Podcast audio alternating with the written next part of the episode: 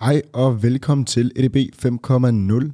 Det er podcasten, der zoomer ind på den nyeste bølge af EDB, eller AI og automatisering. Vi tager tech op af kælderen og ud i forretningen. Vi taler om, hvad det er, hvordan man bruger det intelligent, og kommer med real-life eksempler og erfaringer. I dag er vi taget ud til Leo Innovation Lab for at tale med Anne, som er CEO. Vi kommer rundt om teknologi og algoritmer i farmaindustrien, metadata, etiske og compliance-overvejelser samt værdiskabelse. Glæd jer. Det her det bliver godt.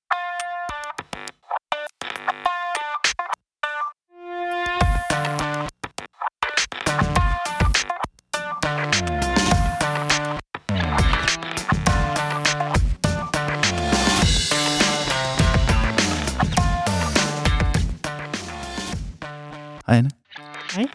og velkommen. Øhm, vi har øh, Anne-Katrine øh, Fleischer øh, med os her, som er CEO af Leo Innovation Lab. Velkommen. Tak skal du have. Øhm, eller det kan være, at du skulle sige velkommen til mig, for vi sidder ude hos jer. Ja, Øhm, men øh, Anne, kunne du ikke starte med at fortælle mig om, øh, hvem er du, og hvad er det, øh, du laver, og hvad laver I her? det kan du tro, Mathias. Ja, vi sidder herude øh, i Leo Innovation Lab, som er jo i hjertet af København, øh, på Silkegade, øh, hvor vi udvikler digitale produkter til folk øh, primært med hudsygdomme. Og, øh, og hvem er jeg? Jamen, jeg er CEO for Leo Innovation Lab og Leo Ventures. Øh, og det, er- det er Leos digitale satsning inden for, for øh, produkter, der skal gå above brand og above product, øh, og hjælpe folk med at få et bedre liv, når man lever med en, en kronisk øh, hudlidelse. Super. Og du siger, at det er både Leo Innovation Lab og Leo Ventures. Øh, hvad er forskellen her? Ja, øhm, jamen øh, vi etablerede Leo Innovation Lab tilbage i 2015, øhm, ud fra den, øhm, den forespørgsel, vores meget visionære ledelse havde dengang om, at øh, vi kunne hjælpe øh, mennesker med hudsygdom på mange flere dimensioner, end blot ved at øh, fremstille medicin og, øh, og sælge det. Så øh, hvordan kunne man øh, generere indsigter på livet generelt som patient? Mm-hmm.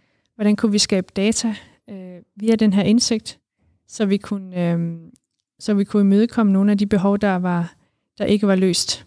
Um, så vi, vi øh, etablerede Leo Innovation Lab for netop at, at se meget bredere og meget mere holistisk på det at være patient. Um, og siden den dag, jamen, så startede vi med at inkubere, altså Mm-hmm. Skabe fødselshjælp til, til, til idéer, som blev til projekter, som blev til produkter. Mm-hmm. Øhm, og øh, i den proces har vi haft øh, godt, godt 20 forskellige produkter øh, i Mhm. mm. udvikling. Så har vi, øh, vi har stoppet en del af dem, øh, men når, de var, når det var gode produkter, der, der viste både øh, proof of concept, men også en, til dels en, øh, en, øh, en markedsafprøvning, der, der så positivt ud, så har vi spundet de her virksomheder ud i, øh, i selvstændige virksomheder. Og for at have et, en holdingstruktur, for at kunne øh, supportere de her virksomheder, så skabte vi sidste sommer Leo Ventures, som er den her venture arm, hvor vi har en portefølje på 10 virksomheder i dag, med ejerandel i dem. Mm-hmm. Mm-hmm. Og det er så også det, jeg er ansvarlig for. Så det vil sige, I bruger Leo Innovation Lab som jeres inkubator, og når det så bliver separeret ud, så er det Leo Ventures, der øh, ejer øh, de selskaber, som der ligger, som der bliver spundet over fra Leo Innovation Lab. Det er korrekt. Øh, og når man kigger på den portefølje i dag, så er den delvis øh, af virksomheder, øh, der er spundet ud fra labbet, hvor vi har øh, forskellige størrelser af ejendele, og øh, parallelt med dem har vi øh, investeret i eksterne virksomheder, som enten havde en teknologi, vi gerne ville lære om, eller som havde et produkt, der lignede noget af det, vi lavede, eller i hvert fald forsøgte at, at løse et, et problem, som vi også forsøgte at løse for patienten. Så det vil sige, I fungerer ikke blot som inkubator, det er egentlig lige så meget som at få lavet en, en, en platform eller et økosystem til at, at, fremme, at fremavle nye produkter eller, eller nye løsninger til jeres kunder eller jeres patienter. Ja, det kan man sige. Altså i starten var det meget vigtigt for os øh, selv at få erfaring med at udvikle. Mhm. Og, øh, og øh, vi havde identif- identificeret de problemer, der skulle løses øh, for patienten. Øhm, så i starten, der fokuserede vi meget på at, at tilegne os den her, den her måde, den digitale måde at udvikle produkter på, og lave sprints, øhm, og, mm-hmm. og markedsføre, eller, eller, eller bringe produkter til markedet meget hurtigt, og skabe data, mm-hmm. øhm, igennem de her produkter. Så det var, det var fokuset de, de første par år. Og da vi så så, at, øh, at nogle af de her produkter faktisk kunne, øh, de havde et markedspotentiale, så spændte vi ud. Så man kan sige, det der var Leo Innovation Lab for, for imellem øh, to og fem år siden, det mm-hmm. var sådan inkubatoren, så blev vi mere sådan venture-builderen øh, de seneste par år, og det gør faktisk, at i dag er hovedfokuset på Leo Ventures øhm, frem for incubation. Øhm, I dag der fokuserer vi næsten udelukkende på så at forvalte de øhm, ressourcer, vi har i de respektive selskaber, mm-hmm. og sikre, at de vokser, og sikre, at de får ekstern kapital til, når det er nødvendigt, for mm-hmm. netop at, at booste den her vækstrejse og komme ud til så mange flere patienter, end vi vil kunne øh, alene, hvis man kan sige det sådan. Men når du siger, at så Øh, I har fokuseret meget på digitale løsninger, nævnte du her undervejs. Øh, hvilken rolle har det digitale versus selve use casen omkring de patienter og de ting, I gerne vil hjælpe patienterne med? Hvad er startpunktet her? Hvor starter man med at sige, at vi har nogle teknologier, der kan hjælpe os? Øh, eller vi har nogle spændende teknologier, vi gerne vil arbejde med at se, hvordan vi kan applicere det? Eller starter man ud hos patienten i use casen, eller hvordan, øh, hvordan har I startet, hvordan idégenererer eller udvælger I øh, ting, I gerne vil arbejde med? Vi har arbejdet meget med at definere øh, patientrejsen. Og, øh, og det vil sige, det er alt fra, øh, hvis, man, hvis man tager det her med at, at, at opdage en, en hudlidelse på sin egen krop, til at man har fundet en, en rigtig og god behandling. Mm. Hvis det er respektive start- og stoppunktet, så, øhm, så der, hvor vi har startet, det er simpelthen med at definere, hvad sker der for patienten, fra man opdager noget på, på sin hud, til man igen har en sund hud. Mm-hmm. Øhm, og hvis jeg lige skal tage dig kort igennem den rejse, okay. så vil jeg tro, at, øh, at øh, hvis du opdager noget, lad os sige, du har et, øh, et udslæt på din albue, så vil du nok helt sikkert øh, gå til Google og skrive udslæt på min højre albue, øhm, eller noget af den stil, og, øh, og der vil du så øh, få en masse øh, links op under den her søgning, og, øh, og faktisk vil Google nok gætte på, at du har en diagnose. Det kunne være psoriasis, øh, og det er faktisk øh, en tredjedel af gangene korrekt, hvad Google siger. På baggrund af, at man skriver noget i et søgefelt? Lige præcis. Okay, øh, ja. men, men det, der cool. så sker øh, for dig, det er, at du vil... Øh, begynder at sidde og søge videre, mm. og komme måske til nogle forskellige hjemmesider, som netop har nogle billeder, og du kan sidde og sammenligne de her billeder med det, du ser på din egen hud. Det kan også være, at du kommer til Facebook, hvor der er nogle forskellige patientgrupper eller brugergrupper, der, øh, der specifikt øh, har samme problem som dig. Øh, I hvert fald kan man komme ud for, at man bliver sådan dirigeret til alle mulige tips og tricks. Mm. Det kan mhm. også være, at du spørger din mor, og hun kender helt sikkert en eller anden øh, moster, der har hørt, at, at man bare tager en bananskrald, og så knupper man den på det der udslæt. det, det skal lige to sekunder, det vil lige en pause. Er det et reelt, er det et reelt øh, trick? Men det, det, okay, det, det, det, det, det er det, man kan opleve, at man bliver bedt om at gøre det på nettet. Ja, ja, modtaget, ja. Så øhm, ja, øh, det kan være, at din mor hun er meget mere øh, aware øh, at det ikke er vejen frem, men øh, i hvert fald ser vi, at der er rigtig mange velmenende gode råd mm. på nettet, øh, og der er rigtig mange sådan anekdoter inden for sådan hudlidelser, og hvad man skal gøre ved dem. Øh, I hvert fald, øh, så er det nok sjældent det, der kommer til at gøre den store forskel, øh, hvis man er, er så uheldig at, at være kronisk øh, hudpatient. I hvert fald så håber vi på, at man vælger at gå til lægen mm-hmm. øhm, og, og få en tid hos lægen. Men da, da sådan nogle hudlidelser ikke altid, øh, de ikke er akutte, øh, som sådan, det er de, hvis det er hudkræft, men alt andet er sådan set ikke akut, så du kan sagtens vente et par uger på at få en tid hos din læge. Mm. Øh, vi så jo under corona, at, at sådan nogle ting netop blev sat på pause. Rigtig mange steder. Men øh, endelig kommer du til lægen, og så er, så kan man sige, at den første udfordring var, Google har ikke altid ret. Den næste udfordring er, du kommer til lægen, men diagnoseretten hos en almindelig praktiserende læge, altså hvor, hvor øh, præcis er de i deres diagnose, hvor rigtig er den, den er desværre kun halvdelen af gangene er den rigtig for en praktiserende læge, når det handler om hud. Øh, og det er der mange grunde til. Øh, en af grundene er, at, at det er meget få uger på et medicinstudie, hvor man lærer om hudsygdomme. Mm. Derudover er der 2.000 af slagsen, så der er rigtig meget at holde styr på for den her praktiserende læge. Men, øh, men i mange af de her tilfælde er de jo sådan set også en gatekeeper for at sikre, at du bliver sendt øh, rigtigt videre. Nogle læger vil vælge at behandle dig og sige, du får den her creme med hjem, kom tilbage om to uger, hvis ikke det virker. Og, øh, og nu kommer vi hen til tredje udfordring, det er, mm-hmm. at man begynder at behandle på nogle symptomer, man ikke rigtig ved, hvad er. Det vil sige, at du kommer hjem med en creme, det kan være, at den var til eksem, det kan være, at du havde psoriasis, ergo den virker ikke. Øhm, og så allerede der oplever du første gang, jamen jeg gør faktisk noget, men det virker ikke. Jeg er ude af kontrol i forhold til min egen behandling.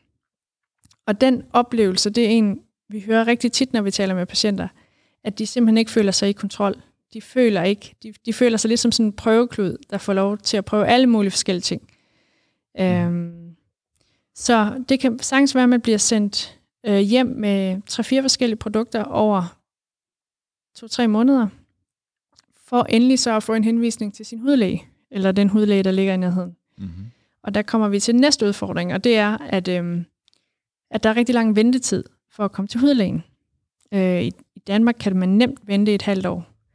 Øh, og så kan du forestille dig, at du, du sad der i december måned og fået et udslæt, øh, og skal vente måske et halvt år på at få en tid.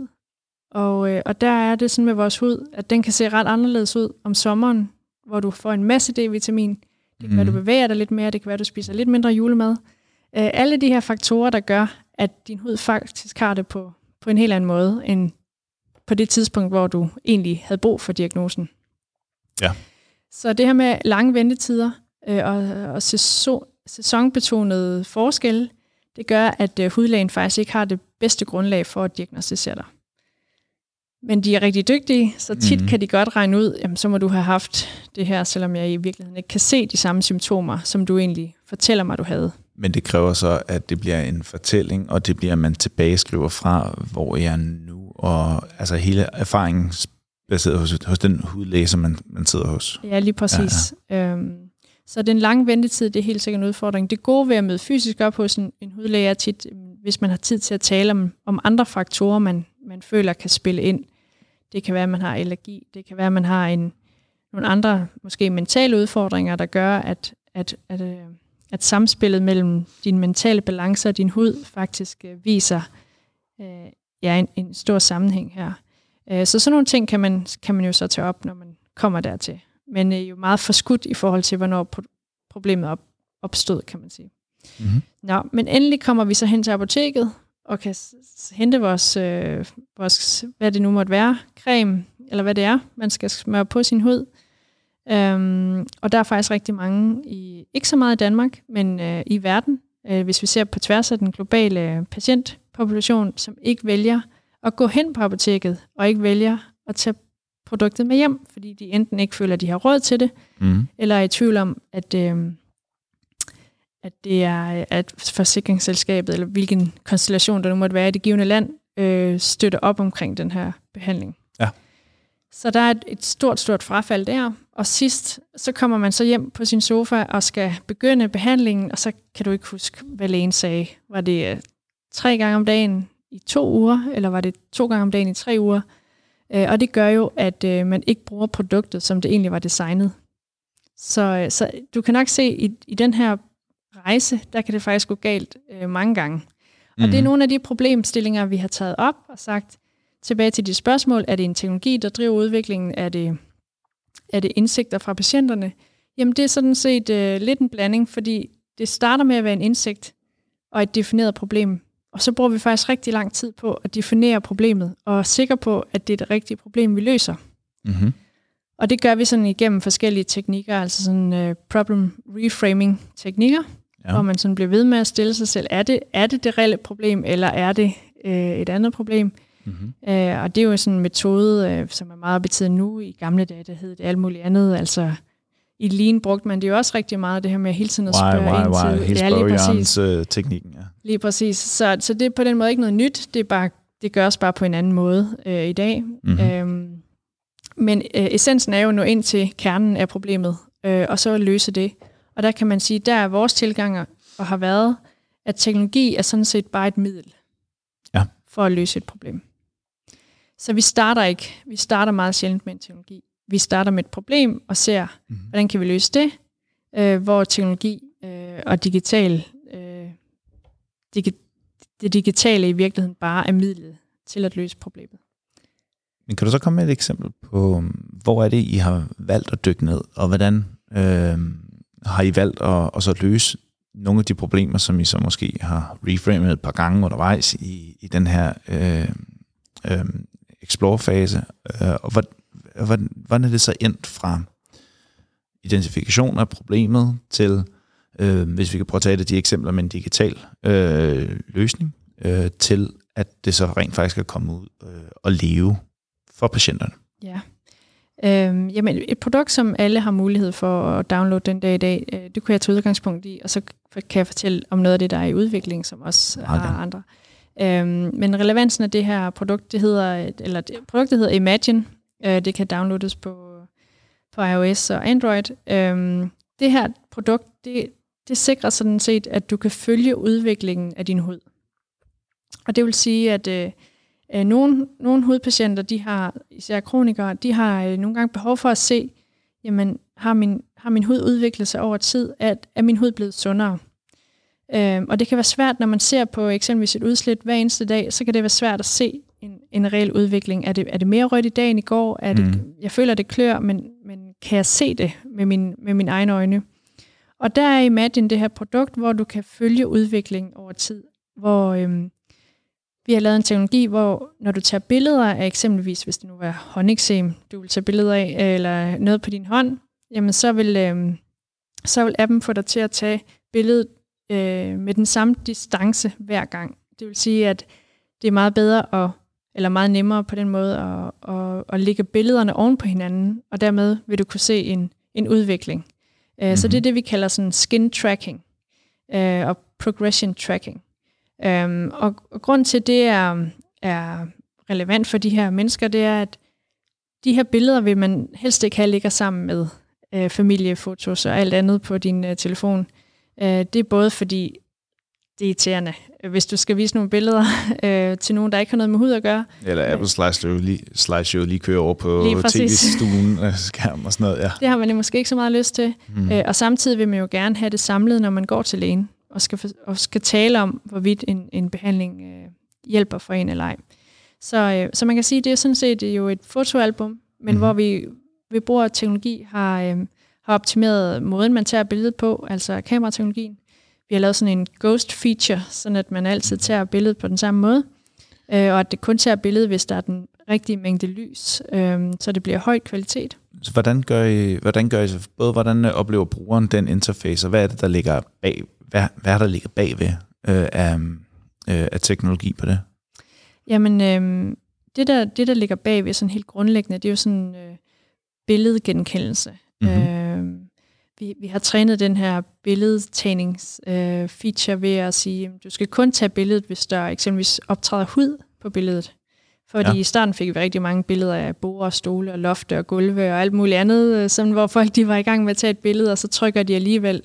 Øhm, og så, så kan vi ikke rigtig bruge den, det input til noget. Øhm, men altså sådan, øh, ja, billedgenkendelse og måden at bygge den her billedalgoritme for at optimere kamerateknologien.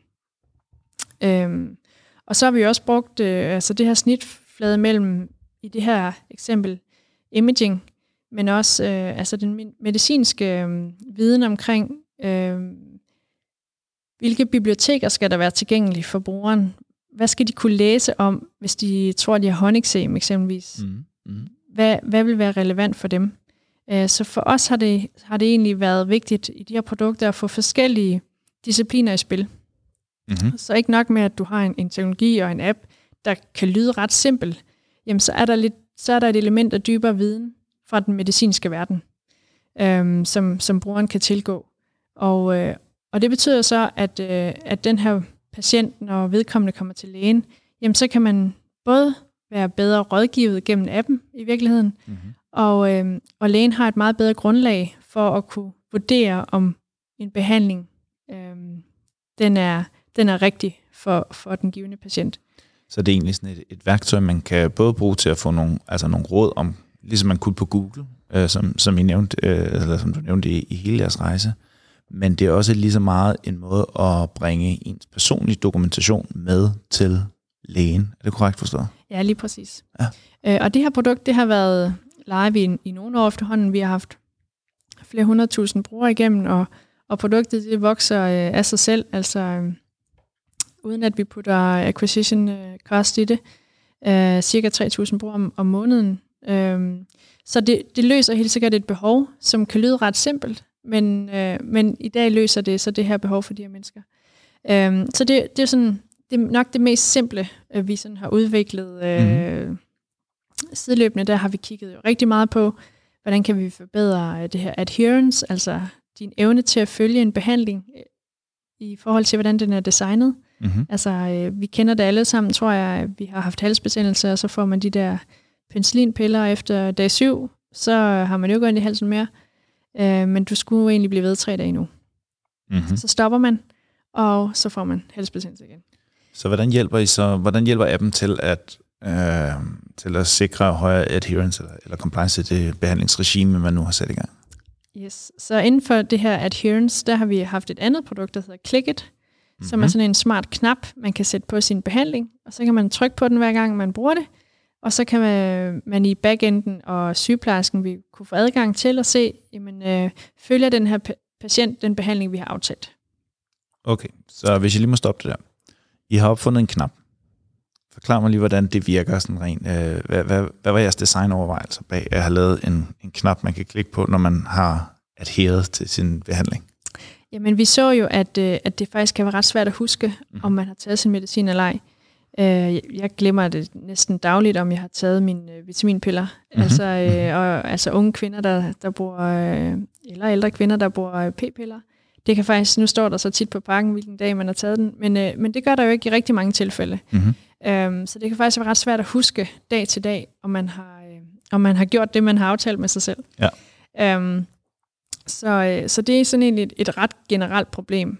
Øhm, og, øh, og vi ved jo med, med hudsygdomme også, at, øh, at det her med at være i kontrol og føle, at man har taget en beslutning, man vil gøre noget for sig selv øh, over nogle uger, øh, det betyder faktisk rigtig meget for ens sygdomsudvikling og ens øh, mulighed for at få en sund, sund hud. Øh, så det vi gjorde egentlig med den her knap, det er også nogle år siden, vi, vi lancerede den, Mm-hmm. det var egentlig at sige, nu, nu giver jeg dig, øh, Mathias, nu giver jeg dig fem knapper, og så skal du putte dem på det, du føler hjælper din sygdom. Så det kunne være, Ja. øh, hvis nu du, øh, hvis du nu eksempelvis havde øh, psoriasis, og så har du nok øh, noget fiskolie hjemme i dit skab. Det kan også være, at du ved, at hvis jeg får løbet en gang om ugen, Mm-hmm. så har min krop det generelt godt. Ja. Det kan også være, at øh, du skal huske at drikke to liter vand hver dag. Mm-hmm. Og selvfølgelig måske bruge noget medicin, eller en creme, eller en fugtighedscreme, eller noget andet, du kan påføre øh, din, din hud. Øh, jamen så så vi faktisk, at det var sådan ret forskelligt, hvad folk puttede de her knapper på. Ja. Og vores forudindtagelse var jo, at det ville nok bruge halvdelen af knapperne på medicin, for det var den verden, vi kom ud fra. Men det var faktisk kun øh, en af knapperne, de brugte på medicin. Okay, og hvad, hvad, hvad, så, hvad, hvad kunne de andre, det er så med at løbe eller drikke vand, eller... Jamen det er sådan øh, livsstils øh, vaner, kan du sige. Ja. Livsstilsændrende vaner, som, som folk rigtig nok har forstået, har en kæmpe effekt på, din, på dit helbred generelt. Øhm, så, så det var sådan set den første læring, hvor vi lærte noget helt andet, end det vi havde forventet. Ved bare at smide en Bluetooth-knap ud i hænderne på, på de her mennesker, og en, øh, en app, der, hvor du kunne øh, customize, hvad knappen skulle sættes på. Øh, og på den måde, så lærte vi allerede der, jamen folk skal have, øhm, de, for at de kan føle sig i kontrol, så skal de også selv have noget frihed og noget ansvar. Ja, ja. Øhm, så, så det var den første læring. Så sendte vi det til det største øh, hospital i USA, øh, Texas Medical Center. Mm-hmm. Jeg var med i et accelerationsprogram derovre, og der så vi igen, at, øh, at det vi så patienterne bruge de her knapper til, det var noget helt andet, end hvad lægerne ville bruge knapperne til. Interessant. Ja. Øh, så der så vi, at, øh, at øh, eksempelvis hvis du bliver indlagt som traumapatient, så, øh, så ligger du tit ret stille. Eller det kan i hvert fald være at det, det, det, den situation, hvor du ligger i respirator øh, og skal vendes hver anden time. Mm-hmm. Øhm, og der er det jo sådan, at det er forsikringsselskabet, der betaler behandlingen. Men hvis der sker noget for patienten under opholdet, så er det hospitalet, der betaler for det. Mm-hmm. Og nu bliver det sådan meget kroner og øre, men det er for lige at, at sætte dig ind i den tankegang, der er omkring, ja. at det er jo, at the end of the day, who's paying. Um, så der så vi, at vi, de brugte de her knapper til at, øh, at tracke øh, side, sidelejring af patienter.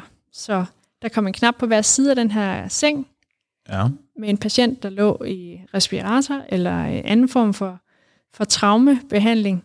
Øhm, og så blev patienten vendt hver anden time, og nu havde de lige pludselig datapunkter på, at det var sket. Og når man bliver vendt hver anden time, så får man ikke liggesår.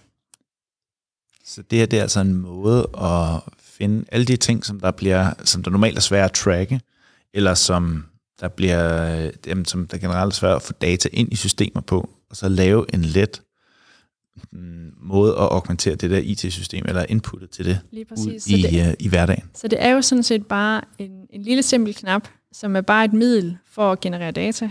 Mm. Øh, så nogle forskellige læringer i træk på, den her, på det her tool, så vi, at jamen, øh, der hvor vi tror, det giver den største værdi, det er sådan set at, øh, at bruge det her hjælpemiddel i ældreplejen, enten på plejehjem eller øh, hjemme hos den ældre borger. Øh, for der er rigtig mange opgaver, der faktisk kan ske, for at den ældre har det godt. Det kunne være noget så simpelt som at få et bad et par gange om ugen. Mm-hmm. Øh, det kunne være sådan noget med at få drukket væske. Det kunne være noget med at, at rejse sig op og gå hen til vinduet og tilbage igen. Mm-hmm. Sådan helt simple hverdagsting, som vi andre tager for givet, og som et meget skiftende personale kan glemme at tracke. Ja. Fordi de, det er hele tiden en ny, der er der, eller, eller den der logbog, og den der post jeg havde i lommen, den glemte jeg lige at indføre i, i journalen, eller hvad det nu kan ja, være. Ja, fordi der må, jeg, der, der må jeg simpelthen lige spørge dig, så det her det er altså et middel til, at man skal undgå at skrive lige så meget i sin logbøger osv., men man kan klare det med, en, med et enkelt push på en knap. Lige præcis. Og på den måde egentlig fokusere på det, der giver mest værdi. Så hvis nu, at det var fru Jensen på 92, der lige var kommet hjem fra et, øh, en genoptrænings øh, øh, hvad kan man sige, event, øh, måske vedkommende har brækket lårbenet, eller hvad ved jeg, Mm-hmm. kommer hjem i eget hjem, så ved vi godt, der, der er nogle ting, der ligesom skal gå op i en højere enhed. Øhm, og for at hun kan få et, et liv, der er lige så godt som før hun kom til, til skade, så er der nogle ting, hun også selv skal huske. Ja. Altså det her med at rejse sig op af stolen flere gange om dagen, for at få vægt på den her knogle, eller hvad det nu kan være. Nu, nu, nu siger jeg bare Ja, ja. et eller andet, ikke?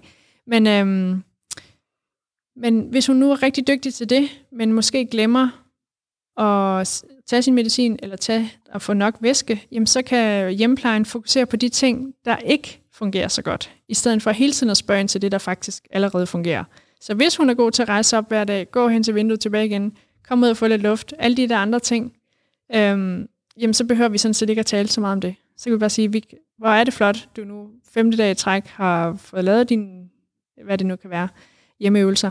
Øh, vi skal simpelthen huske at få drukket væsker fra morgenstunden. Det, der, det synes jeg er et rigtig, rigtig godt eksempel på, at man behøver ikke komplicerede tekniske løsninger til noget, som kan være store problemer. Men det kan være noget så simpelt som at, at trykke på en knap, men det rent faktisk kan komme til at ændre hele den adfærd, der ligger omkring det, og hvad man indsamler datapunkter.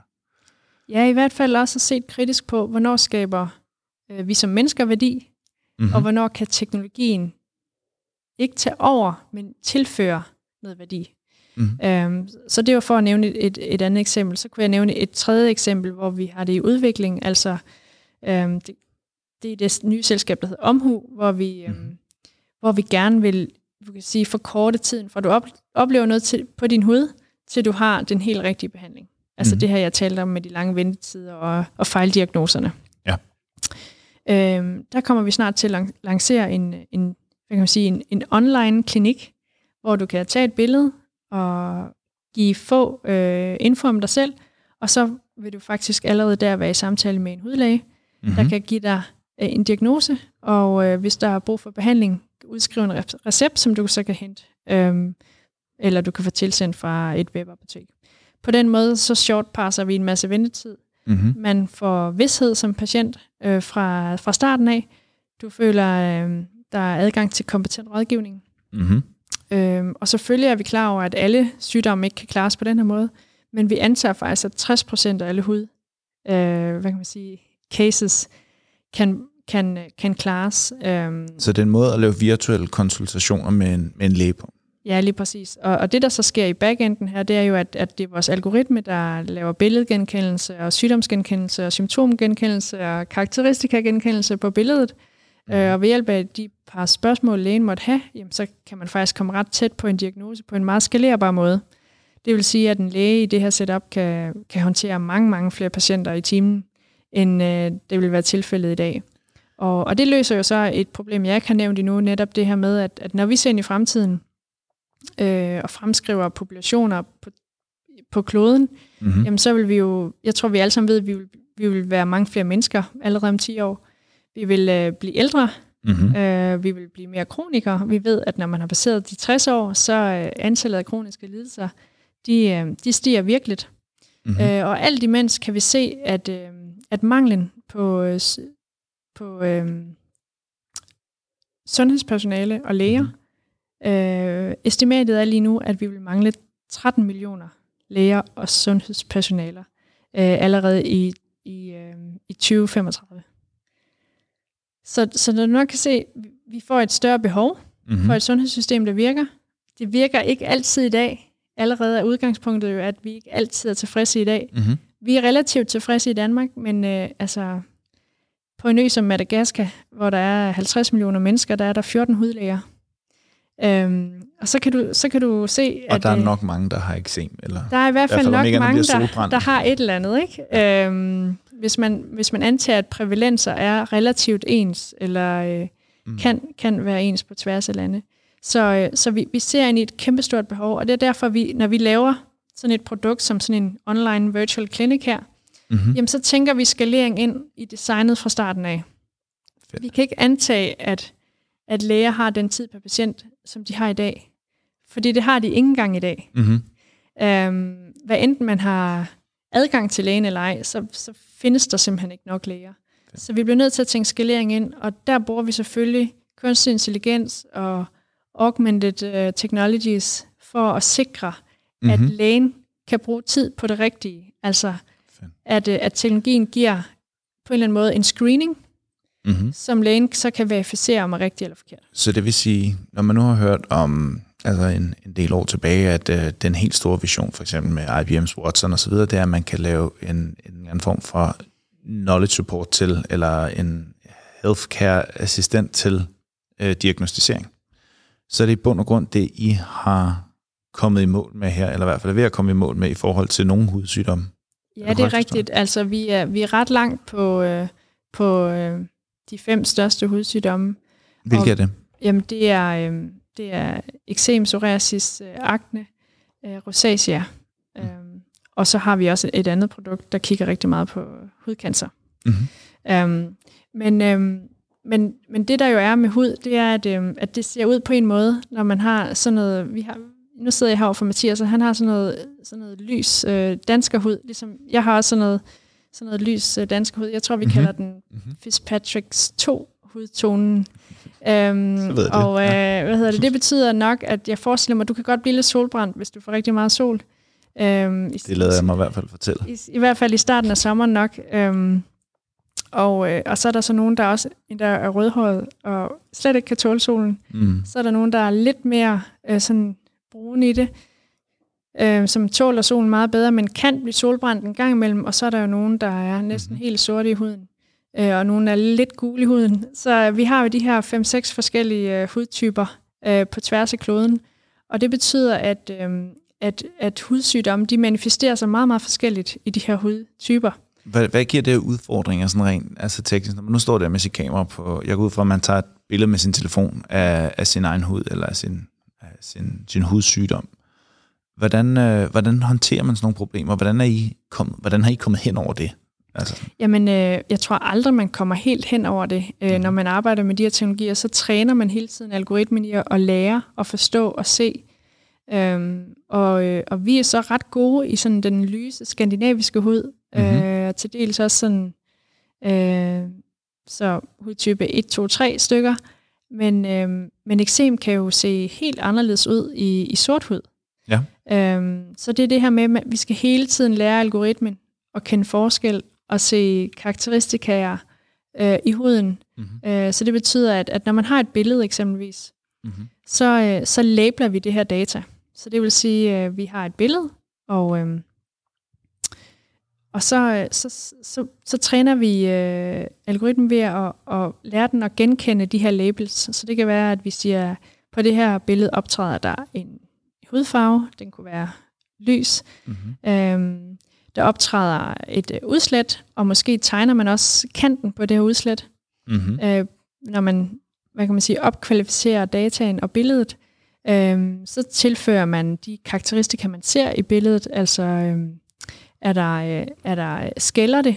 Mm-hmm. ser det rødt ud? Ser det varmt ud? Ser det kløende ud? Så det vil sige, at I tilføjer øh, altså metadata til alle de her billeder, som Lige der præcis. nu ligger. Ja. Så vi tilføjer de her metadata og måske også en diagnose.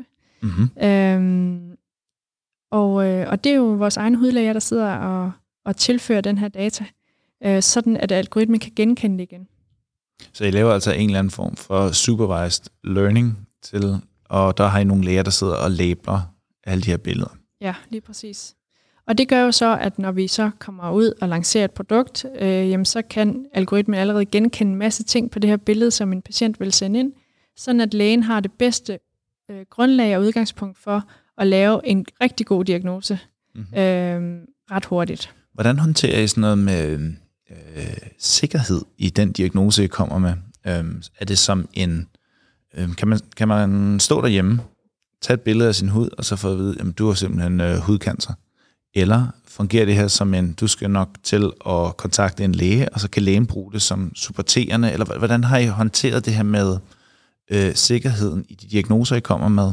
Øh, og de anbefalinger, den kommunikation, der ligger til de forskellige stakeholders øh, der, eller brugere, der mm. bliver involveret i behandling? Altså det, er et, det er et godt, øh, et godt eksempel at tale lidt om hudkræft. Øh, dels fordi vi har sommeren over os nu, og vi skal mm-hmm. alle sammen passe på det det. Øh, med solcremen. Men, øh, men vi har en investering i et øh, hollandsk selskab, der hedder Skin Vision. Mm-hmm. Og de har gennem de seneste seks år trænet en, en algoritme på at genkende øh, hudkræft og modermærkekræft. Ja. Så øh, det her selskab, øh, det de gør, det er sådan set at give dig en risikovurdering for det, du har på din krop. Skal du gå til lægen, eller skal du bare se efter, om det ændrer sig over tid? Øhm, og det algoritmen går ind og kigger på, det er sådan noget med, hvis det er et modermærke eksempelvis, det er sådan, det er sådan let at forstå for os, tror jeg for os alle sammen. Mm-hmm. Øhm, så vil den gå ind og kigge på, er der farveforskelle i det her modermærke? Mm. Er der en, en underlig kant, ligesom? Altså, øh, er der... Øh, er den cirkelrund? Er den eller er det cirkelrund, eller er der sådan nogle små udposninger, ja. hvis man kan kalde det det? Så er randen ren? Øhm, er der, øhm, kan man forestille sig, at der er en højdeforskel? Og øh, er der farveforskel? Og sådan mm. nogle ting. Det går algoritmen ind og kigger på. Øhm, og hvis det så ser lidt underligt ud, og måske bliver du også spurgt om, klør det, eller er det ubehageligt, eller har det blødt for nyligt? Mm-hmm. Og med de sådan ekstra spørgsmål, så vil øh, den her app fortælle dig, om det er, en, det er en risiko for, om det er noget, der skal ses her nu. Øhm, og hvis nu det er et øh, modermærke, der både har en underlig rand, har forskellige farver, buler lidt op, er lidt ømt, har blødt for nylig, så vil appen helt sikkert sige, Mathias, nu ringer du til din læge og fortæller det her. Appen har fortalt mig det her. Så det, her. det er altså en god måde at override de seks måneders ventetid, øhm, for eksempel? Lige præcis. Altså i, Eller opdage i hud, tidligere? I, hud, øh, I hudcancer og i modermærkekræft, der er det jo tid, der er ekstremt afgørende. Mm-hmm. Øhm, og der kan man ikke gå og vente et halvt år på at få tjekket det, man er lidt i tvivl om. Så kan man sige, der har været meget diskussion om, jamen sender vi det rigtige videre, og hvad nu hvis det er forkert, og sådan nogle ting. Men, øh, men når vi ser på, på de brugere, der bruger det, jamen, så er de sådan set bare glade for at få det der ekstra skub, der nogle Mm. gange skal til øh, for at gå til lægen. Øhm, Altså at få at vide, at der med 85% sandsynlighed eller risiko for, at der er hudkræft i det her modermærke for eksempel. Ja, altså øh, de- ind, de indrammer det som øh, low, medium, high risk. Mhm. Mm-hmm. Øh, hvis du har high risk, så skal du helt sikkert øh, søge hjælp her nu. Hvis det er sådan en medium, jamen, så skal du måske holde øje med det, og så får du en notifikation igen om fire uger og tage et nyt billede. Mm-hmm. Øhm, så på den måde er du i sådan en anden awareness-proces omkring det, du har på din hud. Hvor meget af det her øh, er noget, I kører selv in-house, altså træner jeres egne algoritmer på, og hvor meget af det øh, i de services, I generelt bygger, øh, er noget, som I kalder fra, fra øh, eksterne øh, microservices, som så kan levere en, en analyse på et billede tilbage. Hvor meget af det holder I sådan inde i huset? Øhm, vi holder faktisk rigtig meget in-house. Mm-hmm. Og, øhm, og, og det vi har set, altså også når vi har investeret i andre virksomheder, det er, at det her med at have en rigtig god datastruktur, Mm. det, er, det er altafgørende. Og det her med at, have, at sikre en høj kvalitet af metadata, eksempelvis, er også ekstremt vigtigt. Øhm, og øh, når, når jeg ser på porteføljen af virksomheder, jamen så er det jo øh, data, der er data is king, ikke? I gamle Mhm. mm-hmm. dage var det cash. Nej, det er det stadigvæk også lidt. Men øh, data is king. Ja. Øhm, og det er jo de, de, de største værdier på de her balancer i firmaerne. Så, øhm, så hvorfor søren skulle man da jo lægge det et andet sted? Ja, Vil jamen, det svar på det? Det, det, det synes jeg da. Øh, hvordan håndterer I, når nu siger data is king, øh, når I træner jeres algoritme, fordi det er jo, man kan sige, det er vel det er den data, vi taler om, det er den data, der skal til for at træne algoritmen, så den bliver mere præcis.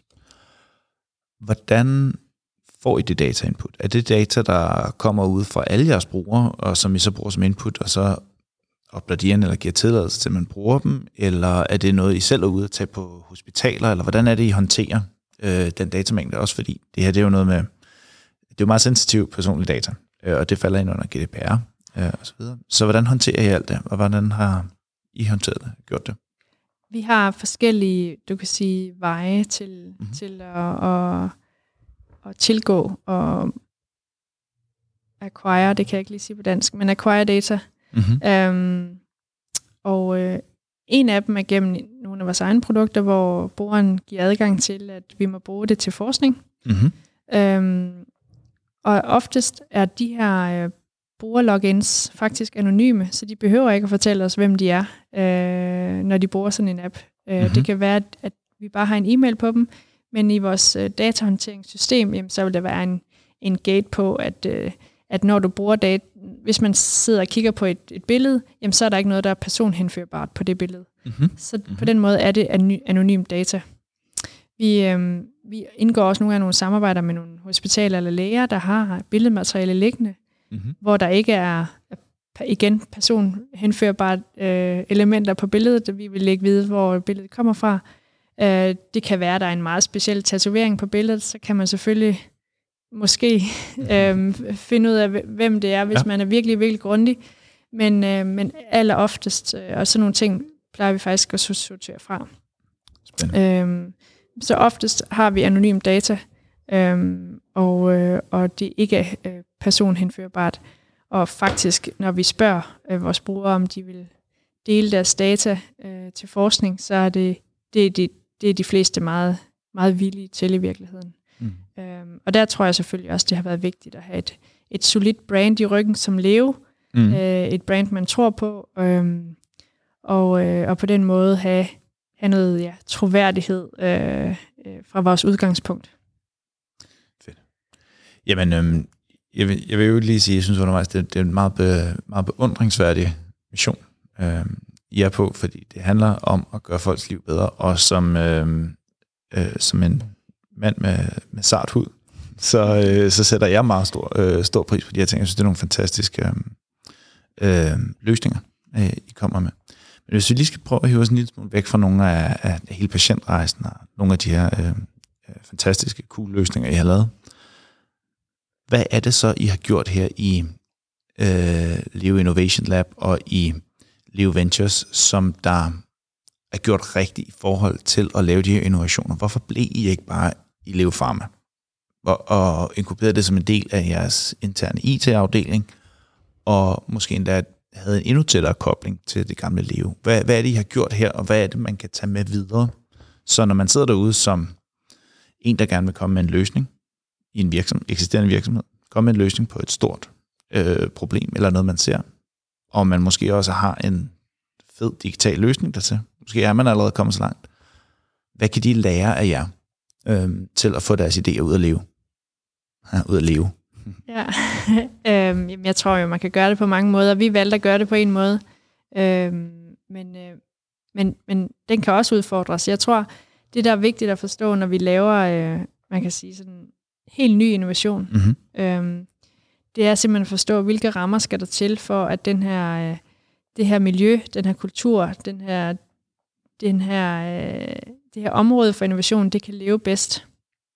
Og da vi stiftede øh, Leo Innovation Lab i 15, øhm, der, var, der var vi ret bevidste om, at, øhm, at det her det var altså noget helt andet, end at udvikle lægemidler. Hvis vi skulle kigge på data, hvis vi skulle se på patientrejser, hvis vi skulle se på det mere sådan holistiske omkring det at være patient, sådan det man kalder integrated care, øhm, det er så anderledes end sådan den meget grundige, risikoaverse måde at udvikle et lægemiddel på. Fordi det er altså, det, når man udvikler lægemidler, så er det altså, kan det være et spørgsmål om, om, om liv eller død. Hvis du gør det forkert, jamen så, Mm. så, øh, så kan det have fatale konsekvenser. Hvis du laver et digitalt produkt, som hjælper dig i din hverdag med at have et bedre liv i forhold til en kronisk lidelse, så er det ikke nødvendigvis øh, forhåbentlig liv eller død, om du får taget det billede eller ej i din app. Mhm. Men det kan, det kan give en, en meget, meget stor øh, øh, livskvalitet. Um, så man kan sige, at udgangspunktet for udviklingen var helt forskellig, og derfor valgte vi også at, at flytte ud af, ud af matriklen i, i Ballerup og, og Mhm. lege et kontor herinde i byen af forskellige årsager. Vi valgte at gøre det for at skabe en helt anden entreprenant kultur. Vi vidste godt, at når Mhm. man udvikler digitale produkter, så skal det gå hurtigt.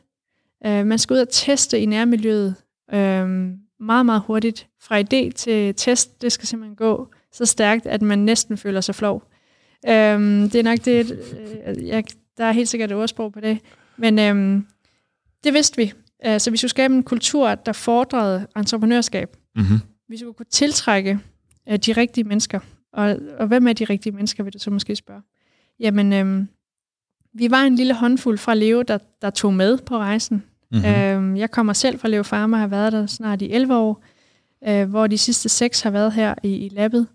Øhm, så vi, vi havde lidt, sådan, man kan sige, domænekendskab, Mm-hmm. men vi havde brug for nogle helt andre profiler til at udvikle de her produkter. Ja. Det vil sige, der kom folk fra GoMore og øhm, altså andre øh, meget anerkendte øhm, Entreprenante digitale entreprenante selskaber. digitale selskaber, ja, Ja. som vi kunne tiltrække, fordi vores mission var, var anerkendelsesværdig, tror jeg. Øh, de kunne have fået job alle steder, men heldigvis var der mange af dem, der valgte at få job her hos os.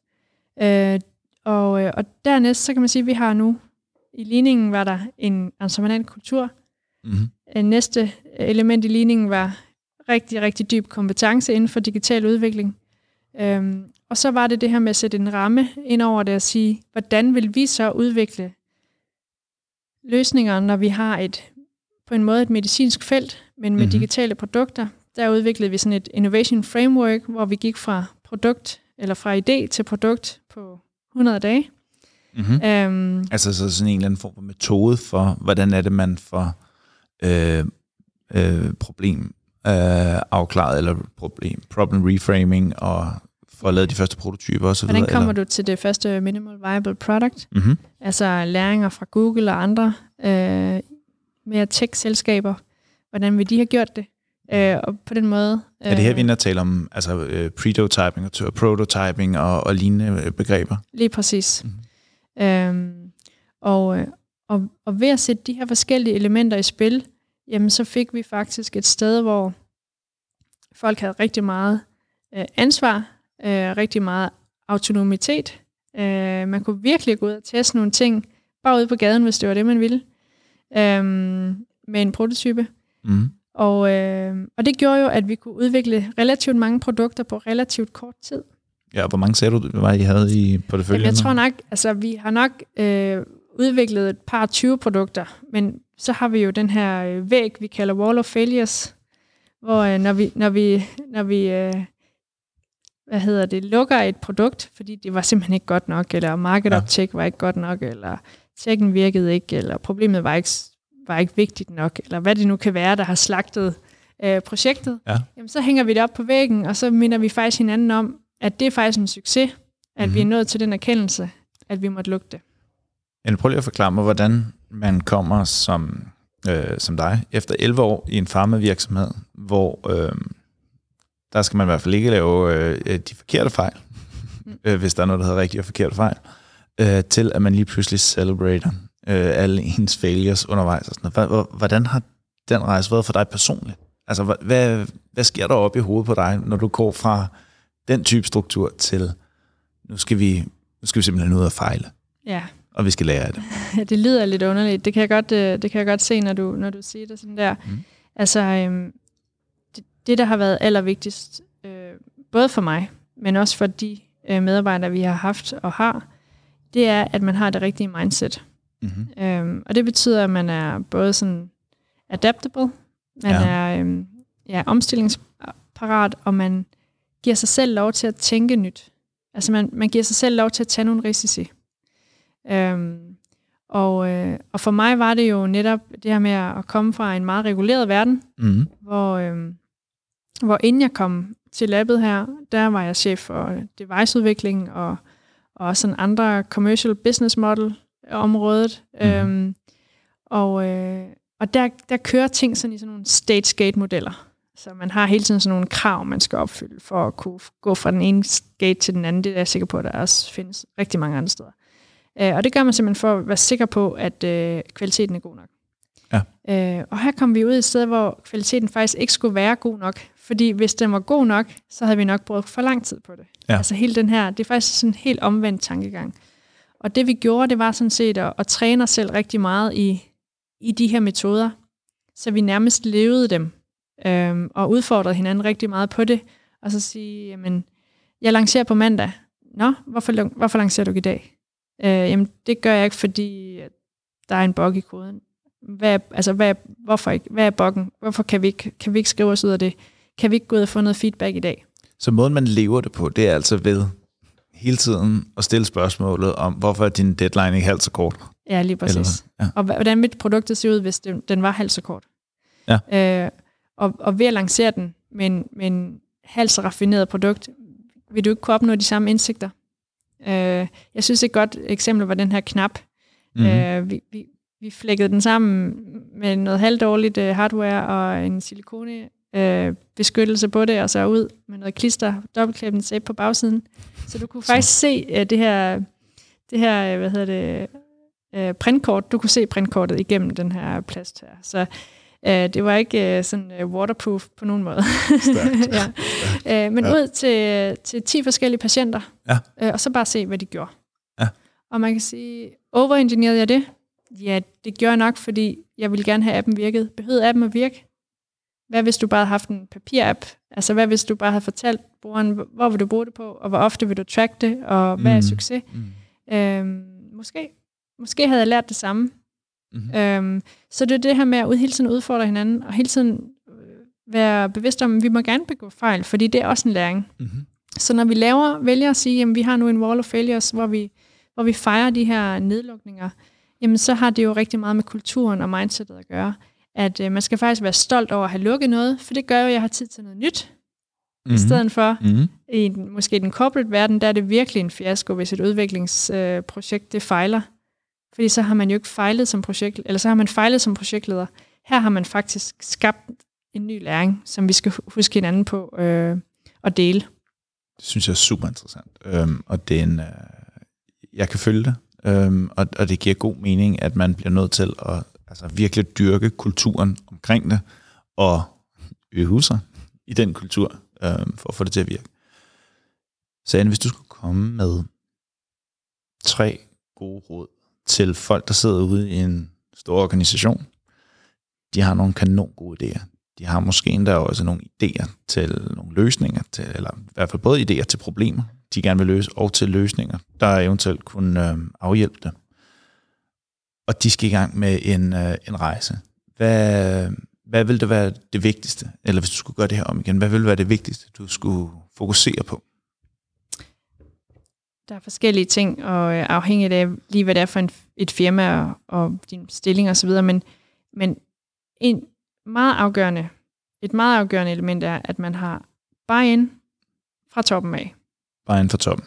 Man skal have både tid og penge, der er fuldt ud dedikeret til at, at lave det her forsøg, eller pilot, eller hvad det nu er, man skal kalde det, for at det går igennem opad til. Mm-hmm. Øhm, og så skal man have fuld råderum, altså fuldt mandat til at gøre det, man mener er det rigtige. Prøv lige at uddybe det. Det, det kan være i, i vores eksempel at sige, vi følger ikke Pharma StageGate-modellen, Mm-hmm. fordi vi tror, at den er forkert, når vi snakker digital udvikling. Mm-hmm. Øhm, I vores case, øhm, der vil der have været alt for meget, øh, alt for mange barriere ved at være blevet i det gamle system, når vi skulle ud og teste. Et, Ja. et eksempel kunne være, at vi må ikke, vi må ikke øh, kommunikere direkte til patienten, når man har med lægemidler at gøre, men det må man jo godt, hvis man har med en app at gøre. Øh, Mhm. mm-hmm. så, så man kan sige, det vil forurene øh, hvad kan man sige, vores tilgang mm. til udvikling, hvis vi fulgte alle de regler, der er for pharma. Øh, så det, det er meget vigtigt, når, når jeg synes, altså bare ind i hvert fald, at have det rigtige mandat, og så, øhm, så simpelthen gøre sig klart, øhm, hvilke tools skal vi have i spil her, både i forhold til udviklingsprocessen, men også i forhold til kompetencer. Øh, hvad har jeg brug for, for at løfte det her? Og der bliver man nødt til nogle gange at se uden for sin egen organisation. Man kan ikke antage, at der lige i IT-afdelingen sidder øh, ham, der er allerbedst til øh, image recognition i vores tilfælde i hele verden. Det er nok de Det- det færreste vil- øh, Det vil alligevel være, standard-IT-afdelinger, ja, det vil være ret heldigt, ja. ikke? Øh, så hvis det er det, man har brug for, mm-hmm. jamen så skal man ikke tage Jens, der er rigtig god til cloud-baserede øh, Microsoft-løsninger i Lev, eller hvem det nu er. Mm-hmm. Mm-hmm. Øh, jamen, så man, man virkelig være tro mod, jeg har brug for den her kompetence, og så må jeg finde den der, hvor den er. Så det vil sige, at man skal ud og have fat i nogle spidskompetencer. Så det vil sige, at det er buy-in, det er fuldt mandat, eller undskyld, det er buy-in fra toppen, det er fuldt mandat til at gøre, hvad man mener er det rigtige, og så er det at have spidskompetencer inden for de områder, man har behov for. Ja, og så mener jeg, at det fjerde element, der må man virkelig dyrke kulturen omkring det at gøre det på den måde, man mener er rigtigt. Altså, øh, øh, vi, har, vi har gjort meget ud af, at, øh, at det er et, et relativt sådan, socialt sted. Vi ved godt, at rigtig mange af vores medarbejdere, de, øh, de er relativt unge. Mm-hmm. De øh, sætter pris på, altså det lyder simpelt, men, men, men en god frokost hver dag, at Ja. der er varm mad. Mm-hmm. Øhm, de sætter pris på, at man kan drikke en øl øh, om eftermiddagen, hvis mm. man Mhm. har brug for det. Mm. Øh, sådan alle de her sådan små goder, der, der er limen i at skabe et socialt sted. Ja. Øh, rigtig mange af vores medarbejdere kommer fra andre lande end Danmark. Vi har halvdelen af vores medarbejderstab er internationale. Det betyder, at de kommer også nogle gange hertil alene på grund af jobbet. Derfor skal der være noget ekstra. Der skal være den der ekstra dimension, der gør det hyggeligt at være her. Ja. Øh, der kan gøre, at de får et socialt netværk her. Øh, det betyder også, at mange både er kollegaer og venner. Øh, og tit også, øh, så refererer de også hinanden. Så hvis, øh, og sådan er det jo, kloge mennesker kender andre kloge mennesker, ikke? Så, øh, så hvad hedder det, hvis øh, nu vi har fået ned en data scientist, jamen, så kender han nok et par stykker andre, der måske også kunne være interesseret i at arbejde her. Mm-hmm. Øhm, så det gælder simpelthen om at, at skabe et sted, øh, der er så rart at være, at hvis man valgte et andet job, så ville man virkelig savne det. Det, det, det tror jeg, det er, sådan, det er sådan den der krømmel på toppen, som måske underkendes lidt nogle gange, men som i hvert fald jeg personligt ser øh, en kæmpe værdi i. Øhm, det, det, er, øh, det er altid hyggeligt at snakke med hvem som helst øh, foran kaffeautomaten, og det har også derfor været meget underligt, at vi var hjemme i corona, øh, Ja, fordi ja. man har ikke kunne føle hinanden. Man har simpelthen ikke øh, vidst nok, hvordan hinanden har det. Øhm, så det var også derfor, da vi åbnede op igen, jamen, så tog vi dem, der havde allermest brug for det, mm. øh, socialt først, og ikke nødvendigvis lige, hvad var det var for en rolle, de havde. Så nogle af dem, der var expats, der så fik lov til at komme ind på kontoret først. Lige præcis. Ja. Dem, der boede alene måske, øhm, som, Mm. mm. i den grad har brug for, for hinanden igen. Øhm, så, øh, så jeg vil sige, det er et vigtigt element, det mm-hmm. her Mhm. med at skabe en kultur og et sted, der, der, i, der er i virkeligheden, har så stor en værdi, at man også vælger det til på grund af det. Fedt. Det, øh, det synes jeg giver rigtig, rigtig god mening. Det resonerer i hvert fald med mig. Anne, her til sidst. Er der noget, jeg skulle have spurgt dig om, som jeg ikke har spurgt dig om endnu? Er der noget, vi, man skal tage med herfra, fra øh, uh, Liv Innovation Lab, og fra dig, som, som du synes, der er vigtigt uh, i forhold til fremtiden? Altså, jeg synes jo, man som virksomhed skal stille sig selv det spørgsmål, har vi råd til at lade være? Altså, har vi, når vi ser ud i fremtiden og kigger på vores kerneprodukt, og har den her idé om et komplementerende område, eller en mere holistisk tilgang til et område, eller hvad det nu kan være, Mm-hmm. og man bliver i tvivl om, skal vi gøre det eller ej? Skal vi gå efter den her investering, eller skal vi lade være? Jamen, så synes jeg virkelig, man skal stille sig selv det spørgsmål, har vi råd til at lade være? Fordi hvordan sikrer vi, at vi er relevante på den lange bane? Mm. Øhm, og det kan godt lyde sådan lidt, lidt frelst måske, eller sådan lidt, øh, lidt for, for flyvende visionært, men, men jeg tror virkelig, det er det, vi skal spørge hin, hinanden om øh, i en tid, hvor ting går så stærkt, Mm. at øh, har vi råd til ikke at så de små frø, øh, som en dag bliver, øh, bliver større end en kerneforretning. Jeg synes jo, øh, ugens øh, nyhed med, at Pleo er blevet unicorn, og varsler at blive større end Danske Bank, Altså det er jo, ja. det er jo en virkelig god historie i forhold til det her med, øhm, har man råd til at lade være? Ja. Øh, har man råd til ikke at definere fremtiden? Det synes jeg var en, øh, det var en rigtig god måde at afslutte på. Så jeg tror, jeg vil sige tak herfra. Jeg vil sige, det har været fantastisk at tale med dig. Det har været fantastisk at høre om, hvad I laver her. Og jeg synes, det er meget beundringsværdigt at høre om en virksomhed og møde en virksomhed, som øh, laver ting, der er så almindeligt gode og så, øh, så vidtighedsfulde, som det I går og laver. Så tusind tak. Selv tak, og tak for besøget.